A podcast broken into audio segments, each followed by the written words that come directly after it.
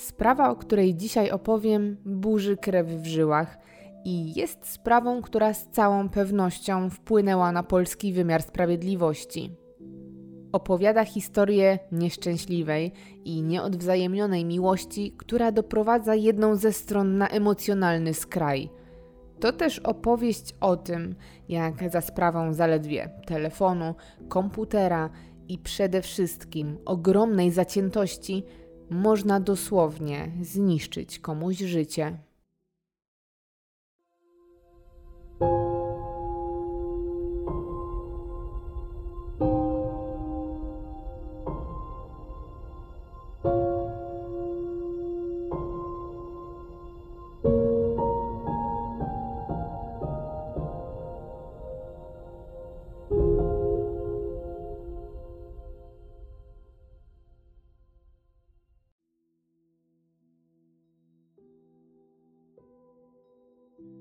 Jest rok 2005. W Warszawie mieszka i pracuje młody lekarz o imieniu Adam. Jest chirurgiem i specjalizuje się w medycynie estetycznej.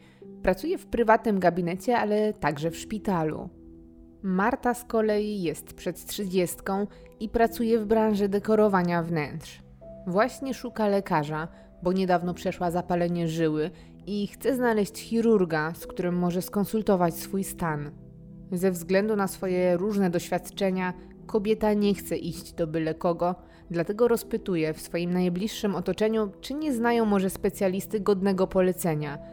To strzał w dziesiątkę, bo lekarz jej taty zna kogoś odpowiedniego Adama. Okazuje się, że mężczyźni studiowali razem i aktualnie śledzą swoje kariery, ale też utrzymują kontakt. Doktor ojca wie, że Marta na pewno trafi w dobre i fachowe ręce. Z uprzejmości i troski podaje nazwisko lekarza, a także jego numer telefonu komórkowego. Marta, niewiele się zastanawiając, chwyta za swój telefon i od razu dzwoni do lekarza, żeby umówić się na wizytę. Adam odbiera i bez problemu rezerwuje dla niej dogodny termin. Niedługo później, jesienią 2005 roku, Marta pojawia się w gabinecie – Przychodzi punktualnie i to dzisiaj tych dwoje widzi się po raz pierwszy. Adam ma 33 lata. Jest szczupły i wysoki, bo mierzy ponad 1,80 m wzrostu, a do tego jest naprawdę przystojny. Marta z kolei to drobna i szczupła dwudziestoparolatka o krótkich włosach w kolorze ciemnego blondu, która nie wyróżnia się niczym szczególnym. Cała wizyta mija bardzo szybko i w przyjemnej atmosferze. Okazuje się, że dolegliwość kobiety jest zupełnie niegroźna i wystarczy jedno zalecenie i recepta. Cała porada trwa zaledwie 10, może 15 minut. Po wszystkim Adam zaprasza Martę na wizytę kontrolną, żeby w kolejnym tygodniu sprawdzić, czy wszystko jest już dobrze i czy wskazówki pomogły uporać się z problemem. Mijają dni. Adam przyjmuje kolejnych pacjentów, a wśród nich pojawia się znowu Marta. Minął już tydzień, więc przyszła zgodnie z umową, ale od razu widać, że nie będzie to typowe spotkanie, bo kobieta wita swojego lekarza olbrzymim bukietem kwiatów i upominkiem w ręce. W ozdobnej torebce znajduje się kawa, herbata, a także kadzidełka na podstawce w kształcie Buddy. Doktor jest zakłopotany, bo prezent jest naprawdę wyszukany, a sama wizyta nie była jakaś szczególna czy warta zapamiętania. Lekarz w zasadzie zupełnie nie spodziewał się takiego dowodu wdzięczności. Owszem, zdarza się, że pacjenci chcą się odwdzięczyć za pomoc, jednak z reguły dzieje się tak w przypadku, kiedy jest to jakaś dłuższa współpraca albo kiedy ma do czynienia z trudnymi przypadkami. Lekarzowi za 15-minutową konsultację i przepisanie recepty nie zdarzało się nigdy wcześniej dostać prezentów w podziękowaniu. Jednak Marta nalega, żeby przyjął to, co dla niego przyniosła. Kwituje to tym, że miała już wiele nieprzyjemnych przeżyć z lekarzami, a wreszcie natrafiła na kogoś kompetentnego, a do tego tak miłego. Ostatecznie, żeby nie sprawić przykrości pacjentce, Adam przyjmuje podarunek. Wizyta kontrolna mija już bez żadnych niespodzianek. Chwilę jeszcze rozmawiają, a temat kieruje się w stronę kadzidełek i podstawki Buddy, jaką Adam przed chwilą otrzymał. Okazuje się, że oboje interesują się buddyzmem, a taki prezent jest miły i na pewno się przyda. Marta jest bardzo szczęśliwa z tej wizyty, z tego, że znalazła też wspólny temat z tym miłym lekarzem. Ostatecznie wychodzi z gabinetu i wydaje się, że będzie to raczej koniec tej znajomości, ale dzieje się inaczej, bo Marta inicjuje dalszy kontakt. Po wizycie pisze uprzejmego SMS-a, na którego lekarz zresztą odpisuje. Od tego czasu zaczynają wymieniać się sporadycznie wiadomościami, czy nawet rozmawiać przez telefon. Długie, jesienne wieczory temu sprzyjają, a Adam zresztą uważa Martę za inteligentną osobę, z którą przyjemnie mu się rozmawia. Mają też wspólne zainteresowania i dyskutują m.in. o buddyzmie. Taka niezobowiązująca wymiana SMS-ów i telefonów trwa do końca roku, ale ze strony lekarza ma jedynie charakter typowo koleżeński, chociaż może na samym początku trochę flirtował. Późniejsze wiadomości nie były jednak tego kontynuacją. Mężczyzna nie ma zamiaru przenosić tej relacji na inny etap, ani nawet się spotykać. Zresztą od jakiegoś czasu ma inną sympatię Magdę, która jest studentką medycyny i z którą nadaje na jednych falach. Z każdym dniem ich relacja się zacieśnia i nie ogranicza się tylko do telefonów czy SMS-ów, i to właśnie z Magdą chirurg wiąże coraz poważniejsze plany. W okolicach świąt Bożego Narodzenia, na przełomie 2005 i 2006 roku, znajomość Adama i Marty, która oparta była jedynie na rozmowach telefonicznych i SMS-ach, zaczyna powoli umierać. Adam zajęty sprawami zawodowymi, a także tym, że buduje już inną relację, nie ma zbyt wiele czasu na wieczorne rozmowy z Martą, nie ma też czasu odpisywać na jej liczne wiadomości. Jednak to odpuszczanie mężczyzny powoduje, że kobieta wręcz na odwrót stara się jeszcze bardziej.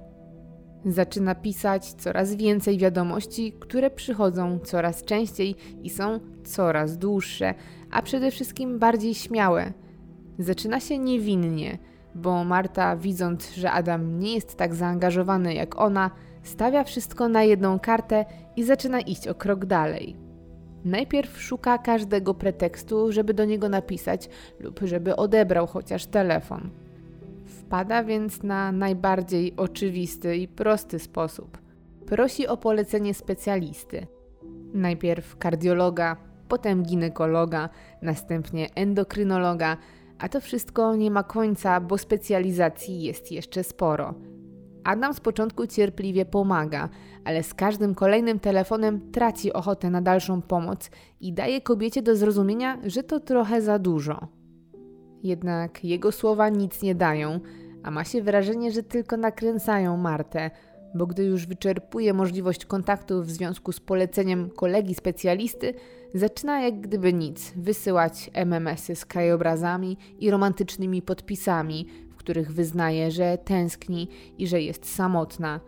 Wysyła też wszelkiego rodzaju emotikony z misiami czy kwiatami, a w końcu idzie na całość i pojawiają się pierwsze wyznania miłości. Marta zaczyna pisać do Adama, że kocha go, że tęskni i że bardzo chce z nim być. To niepokoi mężczyznę. Przecież widzieli się zaledwie dwa razy w życiu i to jeszcze w gabinecie i chociaż rozmawiali kilka razy przez telefon przez ostatnie dwa miesiące i wymieniali się SMS-ami, to nie było w nich żadnego podtekstu ani deklaracji.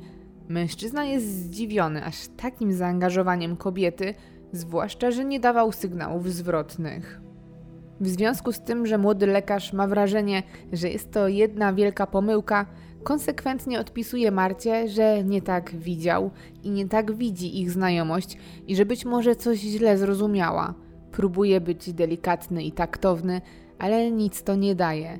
Marta zaczyna dosłownie bombardować go licznymi SMS-ami. Są to albo krótkie wiadomości, albo czasem kilkuczęściowe, długie wyznania miłosne, a to dopiero początek, bo pojawiają się też SMS-y o charakterze erotycznym, których kobieta opisuje swoje fantazje i to, co chciałaby robić z lekarzem. Adam jest zakłopotany. Jego prośby, żeby przestała i tłumaczenie, że nic z tego nie będzie, nie skutkują. Robi więc coś innego. Ignoruje wiadomości od kobiety, a na noc po prostu wyłącza swój telefon. Kiedy rano włącza go ponownie, prawie zawsze czeka na niego kilka SMS-ów, których nawet już nie czyta, wiedząc doskonale, co się w nich znajduje. Mijają miesiące. Adam i Magda, studentka medycyny, zaczynają tworzyć razem udany i poważny związek i układa się między nimi fantastycznie. W tle jednak ciągle jest Marta, która co jakiś czas przypomina o sobie lekarzowi swoimi romantycznymi wyznaniami. Adam podejmuje trudną decyzję. Nie chce straszyć swojej nowej partnerki. Każdą wiadomość od Marty kasuje i przez miesiące ukrywa fakt, że gdzieś tam istnieje kobieta, która chyba pomyślała sobie za dużo. Między nim a Magdą uczucie dopiero się tworzy, to młoda relacja i Adam nie chce mieszać swojej nowej partnerki w tą dziwną sytuację. Ma zresztą nadzieję, że kobieta po prostu się znudzi i przestanie do niego wypisywać. Jednak nadchodzi maj, trwa długi weekend, ale dla Adama wcale nie jest to czas wolny, bo właśnie pełni dyżur w szpitalu, w którym pracuje. Z wolnego korzysta natomiast Magda, jego dziewczyna, która przyszła odwiedzić partnera w szpitalu. Kiedy rozmawiają ze sobą, do gabinetu niespodziewanie puka pielęgniarka. Następnie otwiera drzwi, a młodym lekarzom w pierwszej kolejności rzuca się w oczy wielki, wiklinowy kosz wypełniony prezentami, który trzyma w rękach pielęgniarka. Magda jest bardzo zaintrygowana tym, że jej partner dostaje takie prezenty. Liścik, który przyczepiony jest do upominku, jasno wskazuje, że to prezent od niejakiej Marty. Zawartość bardzo niepokoi dziewczynę Adama, bo w koszyku są białe tulipany, herbata, kawa, a przede wszystkim płyta Stinga z romantyczną muzyką i kubek z napisem I love you. To bardzo wymowne przedmioty. Magda jest tym zaniepokojona. Prezent jest dziwny i ten napis z wyznaniem miłości. Natychmiast prosi Adama o wyjaśnienie tej sprawy. Wtedy dopiero mężczyzna wyjawia, że istnieje ktoś taki jak Marta i że jest chyba w nim nieszczęśliwie zakochana już od wielu miesięcy. Magda jest zaskoczona i wzburzona tym, że jest jakaś druga kobieta, o której zupełnie nic nie wiedziała. Zaczyna mieć wątpliwości, czy jej partner jest wobec niej szczery. Między parą dochodzi więc do kłótni, ale Adam, zgodnie zresztą z prawdą, zarzeka się, że pomiędzy nim a Martą niczego nie ma i że to wszystko to jej inicjatywa, którą on od dawna ignoruje. Magda jednak stawia wszystko na ostrzu noża. Chce, żeby udowodnił, że jest tak jak mówi i przy niej zatelefonował do kobiety, raz na zawsze informując, że między nimi nic nie ma i żeby dała mu spokój. Adam bez wahania sięga po telefon i dzwoni do Marty. Mówi jej stanowczym tonem, że nie życzy sobie takich wiadomości ani prezentów i żeby dała mu spokój. Marta na to wszystko odpowiada jednak nerwowym śmiechem. Pyta, czy cała ta awantura jest przez niewinny, zwykły kubek. Nie ma w niej grama skruchy, nie widzi w swoim postępowaniu niczego złego, przecież nikomu nie robi krzywdy. Rozmowa się kończy, prezent w całości ląduje w koszu. Adam ma nadzieję, że to wreszcie koniec, a przy okazji oddycha z ulgą, że istnienie Marty nie jest już tylko jego sekretem. Jednak mijają godziny, a wieczorem, jak gdyby nigdy nic, na telefon mężczyzny przychodzi MMS z obrazem misia. Kolejnego dnia pojawiają się kolejne obrazki, tym razem jest to bukiet kwiatów czy buziaki, które rozpoczynają dosłownie fale SMS-ów. Wiadomości przychodzą tak szybko, że wręcz zawieszają mężczyźnie telefon. Adam, żeby móc normalnie funkcjonować, kasuje je i ignoruje, ale Marta nie daje za wygraną i między wiadomościami usilnie próbuje się dodzwonić do mężczyzny, jednak ten nie odbiera. Taki stan rzeczy trwa kolejne miesiące, w których Marta jest mniej lub bardziej aktywna. Adam próbuje żyć normalnie. Jest przecież szczęśliwie zakochany i oświadcza się nawet Magdzie, jednak Marta jakby wszystko wyczuwa i kiedy para spędza romantyczny weekend w Paryżu, wysyła do Adama wiadomości, MMS-y i ciągle dzwoni. To zamęcza młodego lekarza, ale też powoduje, że dochodzi do coraz większej liczby kłótni między nim a jego narzeczoną, która już sama nie wie, co o tym myśleć i zaczyna obawiać się, że może jednak jej ukochany coś ukrywa. Takie jednostronne zaangażowanie kobiety jest niezrozumiałe. Na szczęście zdrowy rozsądek wygrywa. Młodzi lekarze, wydaje się, zaczynają uczyć się, jak żyć z tą uciążliwą miłością bez wzajemności i po prostu ignorują Martę. Wydaje się, że to zaczyna działać, ale nieszczęśliwie zakochana kobieta po raz ostatni próbuje starego, sprawdzonego sposobu i wypytuje o specjalistę. Tym razem szuka ginekologa z polecenia. Żali się, że ma bardzo poważne problemy ze zdrowiem i że Adam musi jej pomóc.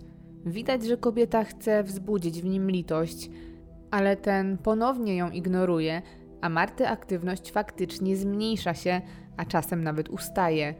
Wszystko wskazuje na to, że kobieta rzeczywiście musiała być hospitalizowana. We względnym spokoju mija czas i nadchodzi sierpień 2007 roku. To już prawie dwa lata od pierwszej wizyty Marty w gabinecie. Dzisiaj ma też miejsce wielki dzień, bo Adam i Magda biorą ślub. Ta piękna uroczystość i wyjątkowe wydarzenie niesie ze sobą dużo zmian, a jedna z nich to wielki powrót. Jeszcze tego samego dnia, w którym para mówi sobie tak, na telefon Adama przychodzą wiadomości z buziaczkami i gratulacjami od nikogo innego jak od Marty. Państwo młodzi nawet nie mają pomysłu, skąd o wszystkim się dowiedziała. Zaraz po tych niewinnych gratulacjach, jeden za drugim przychodzą MMS-y z romantycznymi obrazkami i wyznaniami miłości, jak to zwykle miało miejsce. Ale dzieje się coś jeszcze. Do Adama zaczyna wypisywać drugi numer, z jakiego jeszcze nigdy nie otrzymywał wiadomości. Tym razem ten ktoś przedstawia się jako rzekomy kochanek jego świeżo upieczonej żony. SMSy są wyjątkowo wulgarne. Anonimowy nadawca opisuje, co podobno robi z jego żoną, kiedy ten jest w pracy.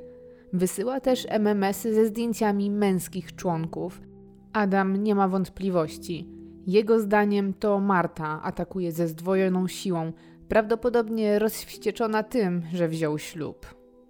Wypisywanie do Adama nie ma końca, a na dodatek nabiera jeszcze innej formy i rozpoczyna się nowa era nękania, tym razem za sprawą internetu. Zaczyna się niewinnie. Na portalach gejowskich ktoś zakłada fałszywe konta, na których podaje się za Adama, umieszcza tam jego numer telefonu, zdjęcie i w jego imieniu wysyła różne wulgarne anonse. Pisze, że szuka kochanków i w imieniu Adama wdaje się w rozmowy z zainteresowanymi mężczyznami. Osoba podszywająca się najpierw wymienia liczne wiadomości za pomocą swojego telefonu i swojego maila, a gdy ma już dojść do rzekomego spotkania, wtedy dopiero następuje przekazanie prawdziwego numeru do Adama. Młody lekarz od teraz musi dodatkowo odbierać całą masę telefonów od zainteresowanych mężczyzn, którzy myślą, że są umówieni z nim na randkę. Za każdym razem musi się tłumaczyć, że jest po prostu ofiarą żartów, a na noc jedyne co może robić, to wyłączać telefon, bo wszystko zaczyna się w późnowieczornych i nocnych porach. To jedynie preludium dalszych wydarzeń, bo kolejne nowe wpisy o Adamie pojawiają się tym razem na portalu, gdzie oceniani są lekarze i ich praca, a to raj dla osoby szkalującej.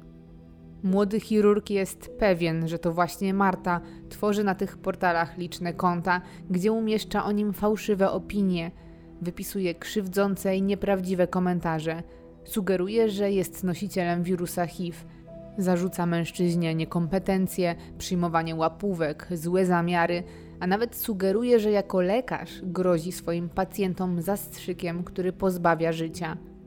Opinie pojawiają się jedna po drugiej – Przychodzi taki moment, że wpisanie imienia i nazwiska Adama w wyszukiwarkę prowadzi jedynie do obelżywych treści, nierzadko z dołączonymi niewybrednymi zdjęciami.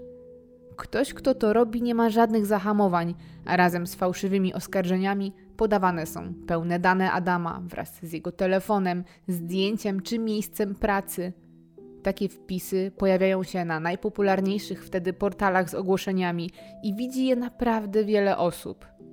Ktoś bez ustanku wypisuje wierutne kłamstwa na temat lekarza, sugerując nawet, że kupił sobie dyplom, a pacjentów doprowadza do kalectwa. To wszystko zaczyna przekładać się już nie tylko na życie emocjonalne Adama, które jest całkowicie rozbite, nie tylko na jego małżeństwo, ale też na jego życie zawodowe. Kiedy wcześniej w prywatnej klinice do Adama co miesiąc trafiało przynajmniej kilku nowych pacjentów, teraz nie pojawia się żaden nowy. Mało tego, są tacy, którzy rezygnują i przenoszą się gdzie indziej, i chociaż deklarują, że nie wierzą w te słowa, które wypisywane są w internecie, to dla świętego spokoju wolą jednak wybrać innego lekarza. To zaczyna rujnować karierę Adama i dosłownie wpływać na jego reputację. Dodatkowo okazuje się, że wiele pacjentek, które nie pojawiają się na wizytach, to nie tylko te, które zrezygnowały, ale większość to fikcyjne osoby. Ktoś regularnie zamawia wizyty na nieistniejące dane, żeby sztucznie zapełnić terminarz lekarza. Bywają więc dni, że chirurg pół dnia czeka na nieistniejące pacjentki, które na wizytę zapisała najprawdopodobniej Marta. Uderzenie w strefę zawodową, którą Adam budował latami ciężkiej pracy, to doskonały sposób, żeby go zranić. Reputacja dla lekarza to bezcenna rzecz, dlatego osoba nękająca chirurga odnajduje też jego konto na portalu, który ma na celu tworzenie sieci kontaktów zawodowych. I tam przystępuje do ataku. Powstają liczne fałszywe konta chirurga, z których ktoś w jego imieniu na oczach ludzi z branży wypisuje wulgarne rzeczy. Wdaje się też w dyskusje z innymi lekarzami czy specjalistami, posługuje się językiem rynsztokowym. W jednej dyskusji pewnej pani psycholog ktoś tak ubliża w imieniu Adama, że kobieta aż zgłasza sprawę na policję. Adam zostaje wezwany w celu wyjaśnienia sprawy i musi udowodnić, że to nie on pisał to wszystko, chociaż faktycznie słowa były podpisane jego imieniem i nazwiskiem, a obok widniało jego zdjęcie. Administracja portalu, na którym wszystko się dzieje, jest bardzo zdziwiona. Kasuje konta chirurga, ale kiedy pojawiają się coraz to nowe treści, postanawiają się z nim skontaktować. Wtedy doktor wszystko wyjaśnia, a administracja obiecuje mu pomóc. Jednak to, co mogą zrobić, to tylko i aż kasować na bieżąco nowo pojawiające się wpisy czy konta. Ale to syzyfowa praca, bo dziennie takich kont potrafi pojawić się nawet 20. Ten, kto tak zamęcza lekarza, ma fantazję i nie ustaje. Potrafi też zamieszczać z pozoru niewinne, strojące sobie żarty ogłoszenia – są to anonse w stylu sprzedam bezzębnego bobra, czy wystawianie w środku zimy ogłoszenia o tanim odśnieżaniu. To wszystko z podaniem oczywiście numeru telefonu Adama. Nękanie ma też charakter fizyczny, bo do gabinetu przychodzą liczne przesyłki, których mężczyzna nigdy nie zamawiał. Nierzadko są to krępujące paczki, przykład z akcesoriami z seks shopu. Chirurg prawie na każdym kroku musi się z czegoś tłumaczyć – to wszystko trwa i trwa jest niezwykle męczące i doprowadza go na skraj wytrzymałości. Ale miarka w końcu się przebiera na początku 2009 roku. Jest typowy dzień. Adam pracuje w gabinecie i przyjmuje pacjentki. O 18 do gabinetu wchodzi starsza, mocno pomalowana kobieta. Zagaduje do doktora, mówi mu, że ma bliznę na czole, którą chce usunąć. Adam zbliża się do kobiety, patrzy na jej czoło, ale nic nie widzi. Wtedy pacjentka przejmuje inicjatywę i mówi, że wie, że doktor jest nieśmiały, ale sobie z tym poradzą. Niech tylko zadeklaruje się, czy chce zrobić to tutaj, czy może gdzieś indziej. Adam jest w szoku. Od słowa do słowa okazuje się, że kobieta ta wcale nie jest pacjentką, a prostytutką, którą ktoś wysłał do niego. Pani z agencji jest wyraźnie zmieszana i zażenowana, kiedy lekarz tłumaczy jej, że to jakaś pomyłka. Kobieta na dowód, że nie jest tu przypadkiem, pokazuje wymianę wiadomości, z której wyraźnie wynika, że umówiona została na dzisiejsze spotkanie. Adam wyciąga wtedy swój telefon i porównują numery. Zgadzają się. To Marta zrobiła sobie ten nieśmieszny żart. Lekarz właśnie zdaje sobie sprawę, że to już poważne przekroczenie pewnej granicy. Nasyłanie na niego ludzi w miejscu pracy i angażowanie ich w dziwne intrygi to już za wiele. Mężczyzna udaje się więc na policję. Dociera też do niego, że przez ostatnie lata popełniał błąd, usuwając wiele wiadomości. Mimo wszystko plik kartek z wydrukowanymi mailami, fałszywymi ogłoszeniami czy opiniami na portalach jest spory. Ale policjanci patrzą na Adama jak na zjawisko. Pierwszy raz spotykają się z czymś takim. Niektórzy nawet nie do końca wiedzą, jak w ogóle działa internet. Pokazują sobie cały materiał dowodowy raczej jako ciekawostkę, jednocześnie dobrze się przy tym bawiąc. Kwitują to tym, że nie do końca wiedzą, co z tym zrobić i jak to zaklasyfikować. Nie ma tu przecież żadnych gruźb karalnych czy czegoś złego. To przecież wyznania miłości i anonimowe komentarze. Nie wiadomo też, kto to napisał. Niechętnie, ale jednak protokół zostaje spisany, a zawiadomienie przyjęte. Adam nalega, żeby mu pomóc, dlatego pada też decyzja, by jednak wszcząć postępowanie, ale w związku z wykroczeniem, jakim jest złośliwe i uporczywe niepokojenie. Niestety, jako że jest to tylko wykroczenie, policja ma ograniczone pole działania. Jedyne co mogą teraz zrobić, to skonfrontować wszystko z Martą. Trzeba jednak z nią najpierw porozmawiać. Funkcjonariusze oddelegowani do sprawy udają się w miejsce zamieszkania Marty pod adres, jaki podała, zapisując się na pierwszą nieszczęsną wizytę do Adama. Policjanci na miejscu trafiają na jej ojca, który zapewnia ich, że nie ma pojęcia, gdzie jest jego córka i że nie utrzymują kontaktu. Jednak tym słowom zaprzecza dzielnicowy i sąsiedzi, którzy twierdzą, że Marta bywa tutaj przecież codziennie. Chirurg próbuje więc wszystkiego, żeby doszło do przesłuchania jego prześladowczyni. Latem 2009 roku dzwoni nawet do ojca Marty, prosząc go, żeby wpłynął na córkę i pomógł mu dojść z nią do porozumienia.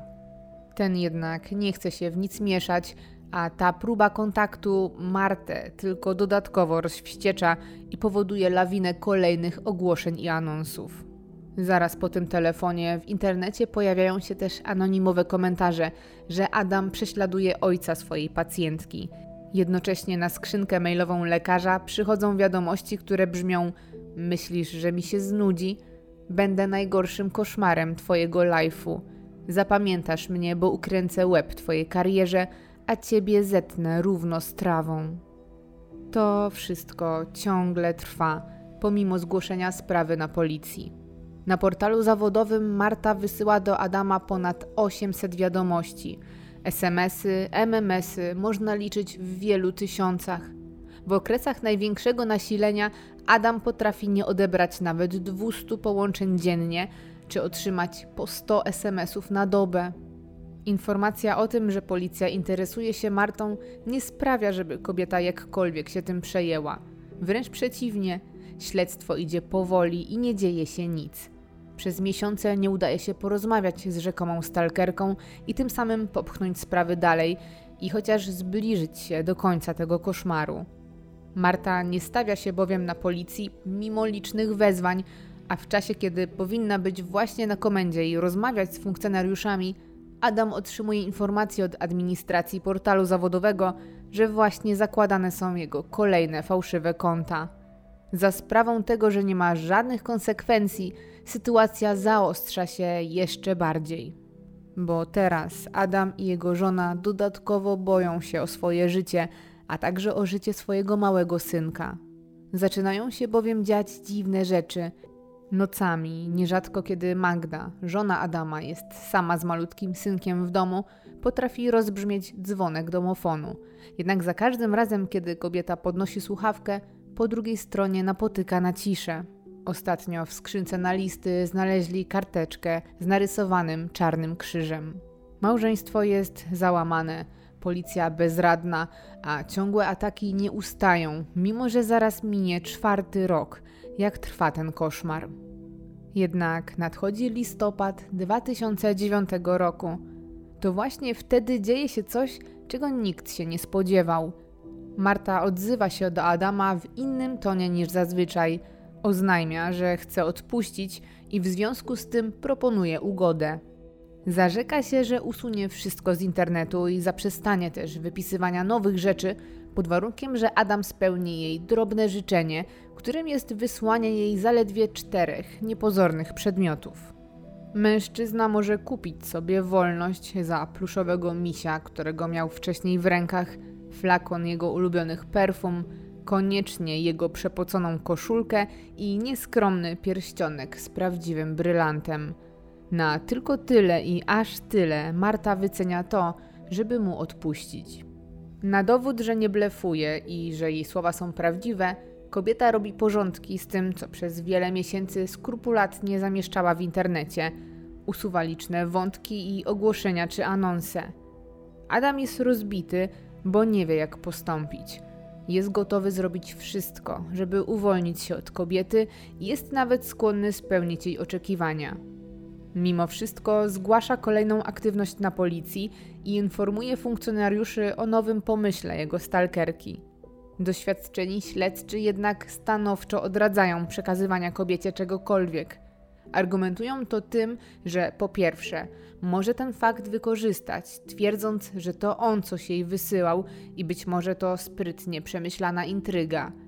Jeżeli jednak nie, to takie podarunki mogą tylko rozbudzić apetyt na więcej.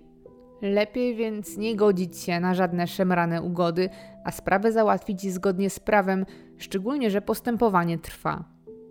Adam słucha się i ignoruje propozycje. Marta jednak cierpliwie czeka, ale kiedy nadchodzi rok 2010, orientuje się, że nikt nie uścisnął jej wyciągniętej wcześniej ręki. To ponownie aktywuje ją i to ze zdwojoną siłą. Kobieta rozpoczyna swój największy i najbardziej intensywny oraz najbardziej pozbawiony granic atak. Powstaje kolejna fala ogłoszeń na gejowskich portalach, kolejne fikcyjne konta, kolejne wpisy na forach oczerniające lekarza i jego pracę. Telefon mężczyzny znowu urywa się i nie milknie całą dobę, a do prywatnej kliniki przychodzą kolejne paczki z erotycznymi gadżetami.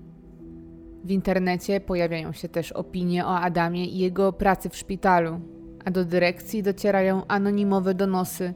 Adam ciągle musi się tłumaczyć i mierzyć z falą krytyki, jaka wylewa się na niego w internecie.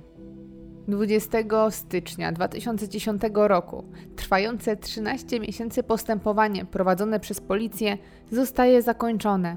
Policja kończy czynności wyjaśniające w sprawie uporczywego i złośliwego niepokojenia. Dzieje się to pomimo tego, że ani razu nie przesłuchano Marty. Posiedzenie sądu w sprawie ma odbyć się dopiero 4 maja. Jednak zanim do niego dojdzie, w kwietniu 2010 roku nękająca chirurga osoba przebija wszystko. Na skrzynkę mailową Adama przychodzą wiadomości, po których mężczyźnie dosłownie jeży się włos na głowie. Najpierw ataki skierowane są w niego. To Marta sugeruje mu, żeby przyjrzał się swoim palcom, bo niedługo je straci, a ona sama osobiście wyrzuci je do Wisły. Tym samym zakończy jego karierę chirurga i lata ciężkiej pracy. Grozi mężczyźnie także napuszczeniem na niego mężczyzn. Wypisuje, że wie o której i kiedy wychodzi i że nie zna dnia ani godziny, próbując tym samym zasiać w nim strach. Potem jednak przychodzą kolejne wiadomości, gdzie groźby padają już w stronę żony Adama. Marta pisze, że osobiście zrobi jej ogromną krzywdę dla samej zabawy, a także wysyła SMS-a, gdzie radzi Adamowi, żeby szykował już worek w rozmiarze dwulatka, sugerując, że chodzi o worek dla jego malutkiego synka, właśnie dwuletniego. W domu tej trzyosobowej rodziny zaczyna panować napięta atmosfera. Magda, żona Adama, jest przerażona. Wielokrotnie sprawdza, czy wszystkie okna i drzwi są zamknięte. Nie lubi zostawać sama. Nawet we własnym domu czuje niepokój. Ich życie podporządkowane jest osobie, która nie daje im spokoju. Żona chirurga opiekuje się małym synkiem i nigdy nie wychodzi z domu sama. Sama też nie może z dzieckiem wychodzić opiekunka, a większość czasu na świeżym powietrzu malec spędza na tarasie. Wszyscy są przerażeni, bo nie wiedzą, co może czekać ich dalej. Czują się bezradni, a nadzieja na normalność i sprawiedliwość zaczyna powoli umierać. Na początku maja 2010 roku sąd zbiera się na posiedzeniu, jednak wbrew wielkim oczekiwaniom umarza postępowanie. Argumentuje to tym, że Marta nie została przesłuchana, a tak nie może dziać się w państwie prawa, kiedy druga strona nie ma możliwości przedstawienia swojej wersji wydarzeń. Dodatkowo sąd stwierdza, że nie da się ustalić, czy to faktycznie Marta wysyłała wiadomości. Nie da się też ustalić, czy to ona zamieszczała ogłoszenia w internecie, czy obraźliwe wpisy. Adam jest tym załamany. Nie chce odpuścić ani dać za wygraną, szczególnie kiedy od Marty dostaje wiadomości, które szydzą z jego prób. Stawia więc wszystko na jedną kartę. Znowu zgłasza się na policję, a do wszystkiego dołącza jeszcze groźby karalne. Składa też skargę na opieszałość śledczych i na brak reakcji, a na końcu uderza do mediów i publicznie opisuje swój kilkuletni koszmar. To wszystko jednak przynosi efekt, bo sprawie zaczyna przyglądać się prokuratura.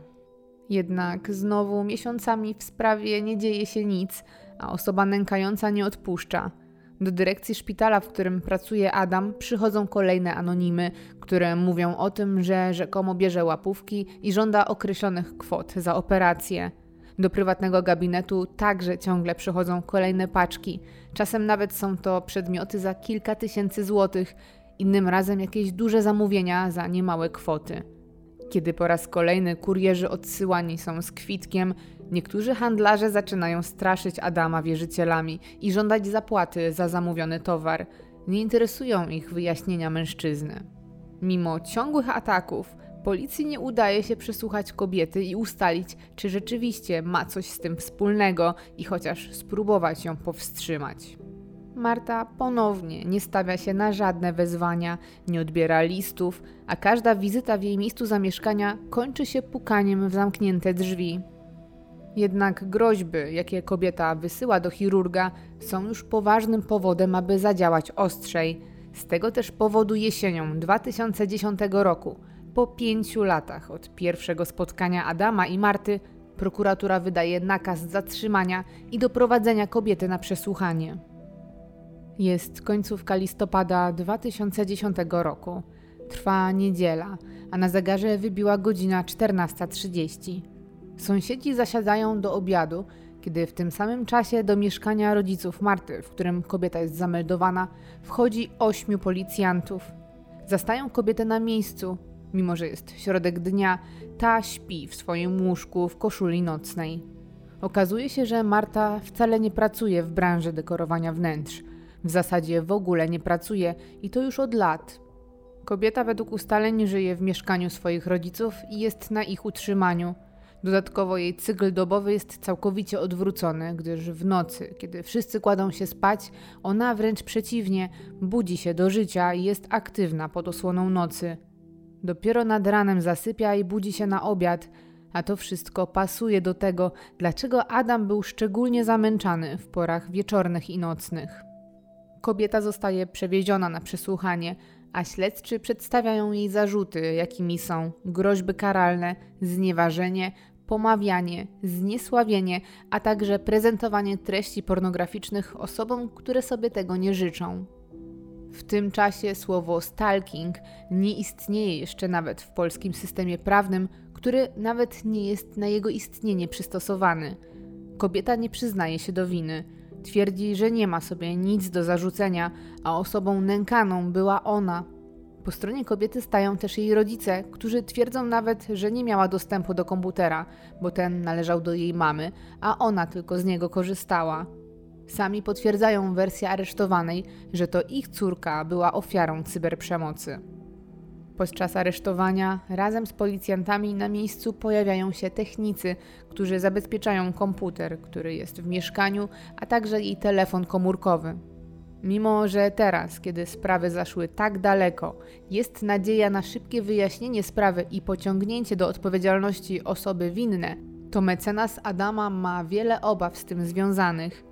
Chociaż sprawa wreszcie rusza, informuje swojego klienta, że wszystko może ciągnąć się jeszcze bardzo długo. Może też dojść do sytuacji przypominającej odbijanie piłeczki, a ostatecznie wyrok, jaki zapadnie, może okazać się niski w stosunku do krzywd, jakie się dokonały przez te lata. Mecenas chce więc ugryźć sprawę nieco inaczej i sprawić, żeby osoba odpowiedzialna odpowiedziała chociaż za swój czyn finansowo. Rozpoczyna się posiedzenie sądu, podczas którego prezentowane są liczne dowody, ale też innymi nagranie z automatycznej sekretarki, na którym słychać mężczyznę, który grozi lekarzowi śmiercią, a na końcu żąda, by przeprosił Martę. Po zapoznaniu się ze wszystkimi materiałami, a przede wszystkim za sprawą tego nagrania, sąd podejmuje nietypową decyzję. Mimo, że Marcie grozi najwyżej do dwóch lat więzienia, to uznane zostaje, że istnieje bardzo duże prawdopodobieństwo, że kobieta może ponownie dopuścić się czynów, które są jej zarzucane, a być może nawet spełnić groźby. Z tego też powodu pada decyzja o aresztowaniu jej na razie na dwa miesiące. Już po pierwszych dniach, kiedy Marty nie ma na wolności, w domu Adama i jego żony panuje dziwny wręcz spokój, do którego nie przywykli Telefon nie dzwoni ani nie wibruje. W internecie nie pojawiają się żadne nowe wpisy oczerniające lekarza. Nikt też nie dzwoni do domofonu. Chociaż chirurg wcale nie tęskni za tym, co było, to czuje się dziwnie. Czy to właśnie ta utracona przed laty wolność? Rozpoczyna się proces. Marta nie przyznaje się do zarzucanych jej czynów. Potwierdza, że Adama zna i że trafiła do niego w 2005 roku przez polecenie znajomego lekarza. Mówi, że między nimi była relacja i była zapraszana na kawę przez lekarza wiele razy i że widzieli się znacznie częściej niż mężczyzna to opisuje. Marta opowiada, że flirtowali, a ona w odpowiedzi na to zaangażowała się w relację i zaczęła przesyłać miłe wiadomości i drobne prezenty. Kobieta utrzymuje, że kontakty z Adamem trwały cały czas i były uprzejme aż do momentu nieszczęsnej paczki wysłanej do szpitala, po której to o jej istnieniu dowiedziała się Magda, teraz żona Adama. Według niej Adam dopiero wtedy zaczął ją ignorować. Kobieta miała wręcz wrażenie, że razem z partnerką pogrywają sobie z nią. Mimo tego nie odpuszczała, bo wciąż była zakochana. Dalej wysyłała uprzejme wiadomości i urocze obrazki. Czasem, co prawda, zrobiła sobie żart, jak ogłoszenie o sprzedaży bezzębnego bobra, ale jej zdaniem przecież nie było w tym nic złego, a reakcja Adama była nieadekwatna. Marta twierdzi, że sama była nękana, że to jej życzono śmierci, a lekarz, wbrew temu co mówi, wcale nie był milczący i na jej wiadomości odpowiadał agresją. Kobieta twierdzi też, że nie miała pojęcia o tym, że toczy się przeciwko niej jakieś postępowanie. Wyraża żal, że nie została przesłuchana ani razu, bo wszystko by wyjaśniła. Zeznaje, że o tym, że w sprawie będzie jakaś rozprawa, dowiedziała się z SMS-a od lekarza. Po pierwszym umorzeniu sprawy w 2010 roku wszystko się zmieniło, kiedy w internecie, prasie, a nawet telewizji pojawiły się wywiady Adama, w których opisał nękanie. Według kobiety wtedy rozpoczęła się na nią masowa nagonka w sieci. Gdy sprawa została nagłośniona, jej życie zaczęło być skrupulatnie niszczone, a groźby w jej imieniu mógł potem wysłać przecież każdy. Gdy jej dane wypłynęły w internecie, to ona otrzymywała głuche telefony, a nawet telefony takie otrzymywali jej rodzice. Od tego momentu młoda kobieta przestała wychodzić z domu, bo jak twierdzi, bała się ludzi. Według artykułu przedstawiającego sprawę z punktu widzenia Marty, kobieta zamknęła się w sobie, w swoim pokoju, przestała wychodzić nawet z łóżka, a w konsekwencji tego jej choroby serca i problemów hormonalnych przybrała na wadze ponad 70 kg i to w bardzo krótkim czasie. To wszystko razem wpłynęło na jej zdrowie, samopoczucie i całe życie. Marta broni się, zaręcza, że to ona była ofiarą i że nie zrobiła nic złego. Mimo jednak tych słów, które rzeczywiście chwytają za serce i obrazują, że nie wszystko jest czarno-białe, dowodów przeciwko niej nie brakuje. Biegli z dziedziny informatyki ustalają z całą pewnością, że to z komputera zabezpieczonego w jej mieszkaniu wysyłane były groźby, Także dane, jakie przekazane zostały przez operatorów komórkowych, nie pozostawiają wątpliwości, że nękające SMS-y i połączenia wykonywane były z telefonu 30-latki. Z tego też telefonu kontaktowano się z rodzicami Marty, co potwierdza to, że to ona korzystała z urządzenia. W sprawie wypowiada się także grafolog, który po analizie stylu pisania, robienia błędów ortograficznych czy formułowania zdań także potwierdza, że treści SMS-ów, maili czy postów w internecie pisała jedna i ta sama osoba, którą jego zdaniem jest Marta. W związku z tymi licznymi dowodami istotnym jest, by sprawdzić stan kobiety pod kątem jej zdrowia psychicznego, w wyniku czego zostaje rozpoznana u niej osobowość nieprawidłowa. Według biegłych ekspertów Marta ma problem z rozróżnieniem rzeczywistości od fantazji, a początkowo miła relacja z chirurgiem potraktowana została przez nią jak obietnica. Kiedy jednak w jej mniemaniu lekarz ją odrzucił, mimo wysyłania jej zdaniem wcześniej innych sygnałów, głębokie uczucie rozczarowania doprowadziło ją wręcz do nienawiści i chęci zemsty. 8 listopada 2011 roku, 6 lat po pierwszym spotkaniu Marty i Adama, wreszcie zapada wyrok. Marta jednak nie stawia się na jego ogłoszeniu. Prokuratura żądała 4,5 lat pozbawienia wolności i 40 tysięcy złotych zadośćuczynienia oraz publicznego poinformowania o wyroku. Obrona żądała uniewinnienia. Ostatecznie jednak decyzją sądu Marta zostaje uznana winną popełnienia czterech z pięciu postawionych jej zarzutów. Mimo, że co ciekawe, nie znaleziono jednak twardych dowodów, które świadczyłyby o tym, że to Marta we własnej osobie zamieszczała obraźliwe wpisy czy pisała SMSy. Jednak liczne dowody pośrednie w tym poszlakowym jednak procesie ostatecznie pomogły w podjęciu decyzji i skazaniu Marty. Kobieta otrzymuje więc karę dwóch lat pozbawienia wolności oraz musi zapłacić lekarzowi 40 tysięcy złotych zadośćuczynienia. Ma także zakaz jakiegokolwiek kontaktu czy z Adamem, czy z jego rodziną. I chociaż strona oskarżająca uważa karę za mało surową, to ostatecznie wszystko wskazuje na to, że to nareszcie koniec. Marta jeszcze jakiś czas walczy o swoje dobre imię, w internecie pojawia się artykuł, który pisze o niej jako o osobie chorej, która być może ku przestrodze miała stać się przykładem dla innych stalkerów. Pojawiają się głosy, że medialne nadmuchanie sprawy sprawiło, że wszyscy uznali kobietę za winną, ale jednak wyrok zapadł, chociaż podzielił społeczeństwo, bo głosów zarówno popierających doktora i współczujących mu jest wiele, tak samo jak głosów popierających Martę w sieci nie brakuje. Pewnym jest, że żadna sytuacja nie jest czarno-biała. Mimo wszystko, na bazie zebranych dowodów, sąd uznał Martę za osobę winną. Nie stało się to raczej bez powodu. Nie wolno też zapomnieć, jaki koszmar przez długie lata przeżywał dr Adam i jak wszystko to wpłynęło na jego życie osobiste i zawodowe. 6 czerwca 2011 roku, kiedy trwało już postępowanie w sprawie Marty, w polskim systemie prawnym pojawiło się nowe przestępstwo stalking. Była to odpowiedź na dużą skalę problemu, a do tej pory brakowało instrumentów ochrony osób pokrzywdzonych.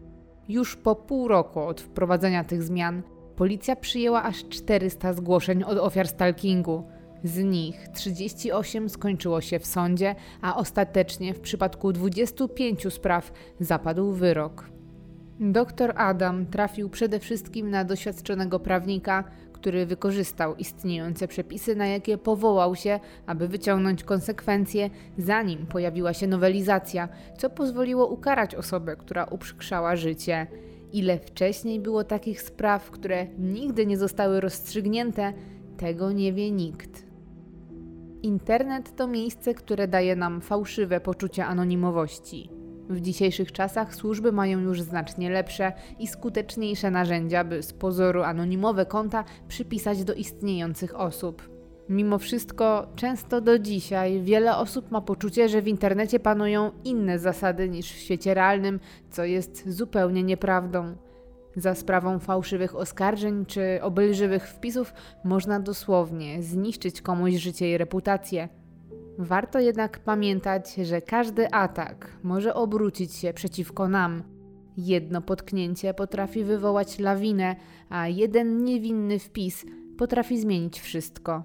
Słowa napisane w internecie nie są ani trochę mniej ważne niż słowa wypowiedziane.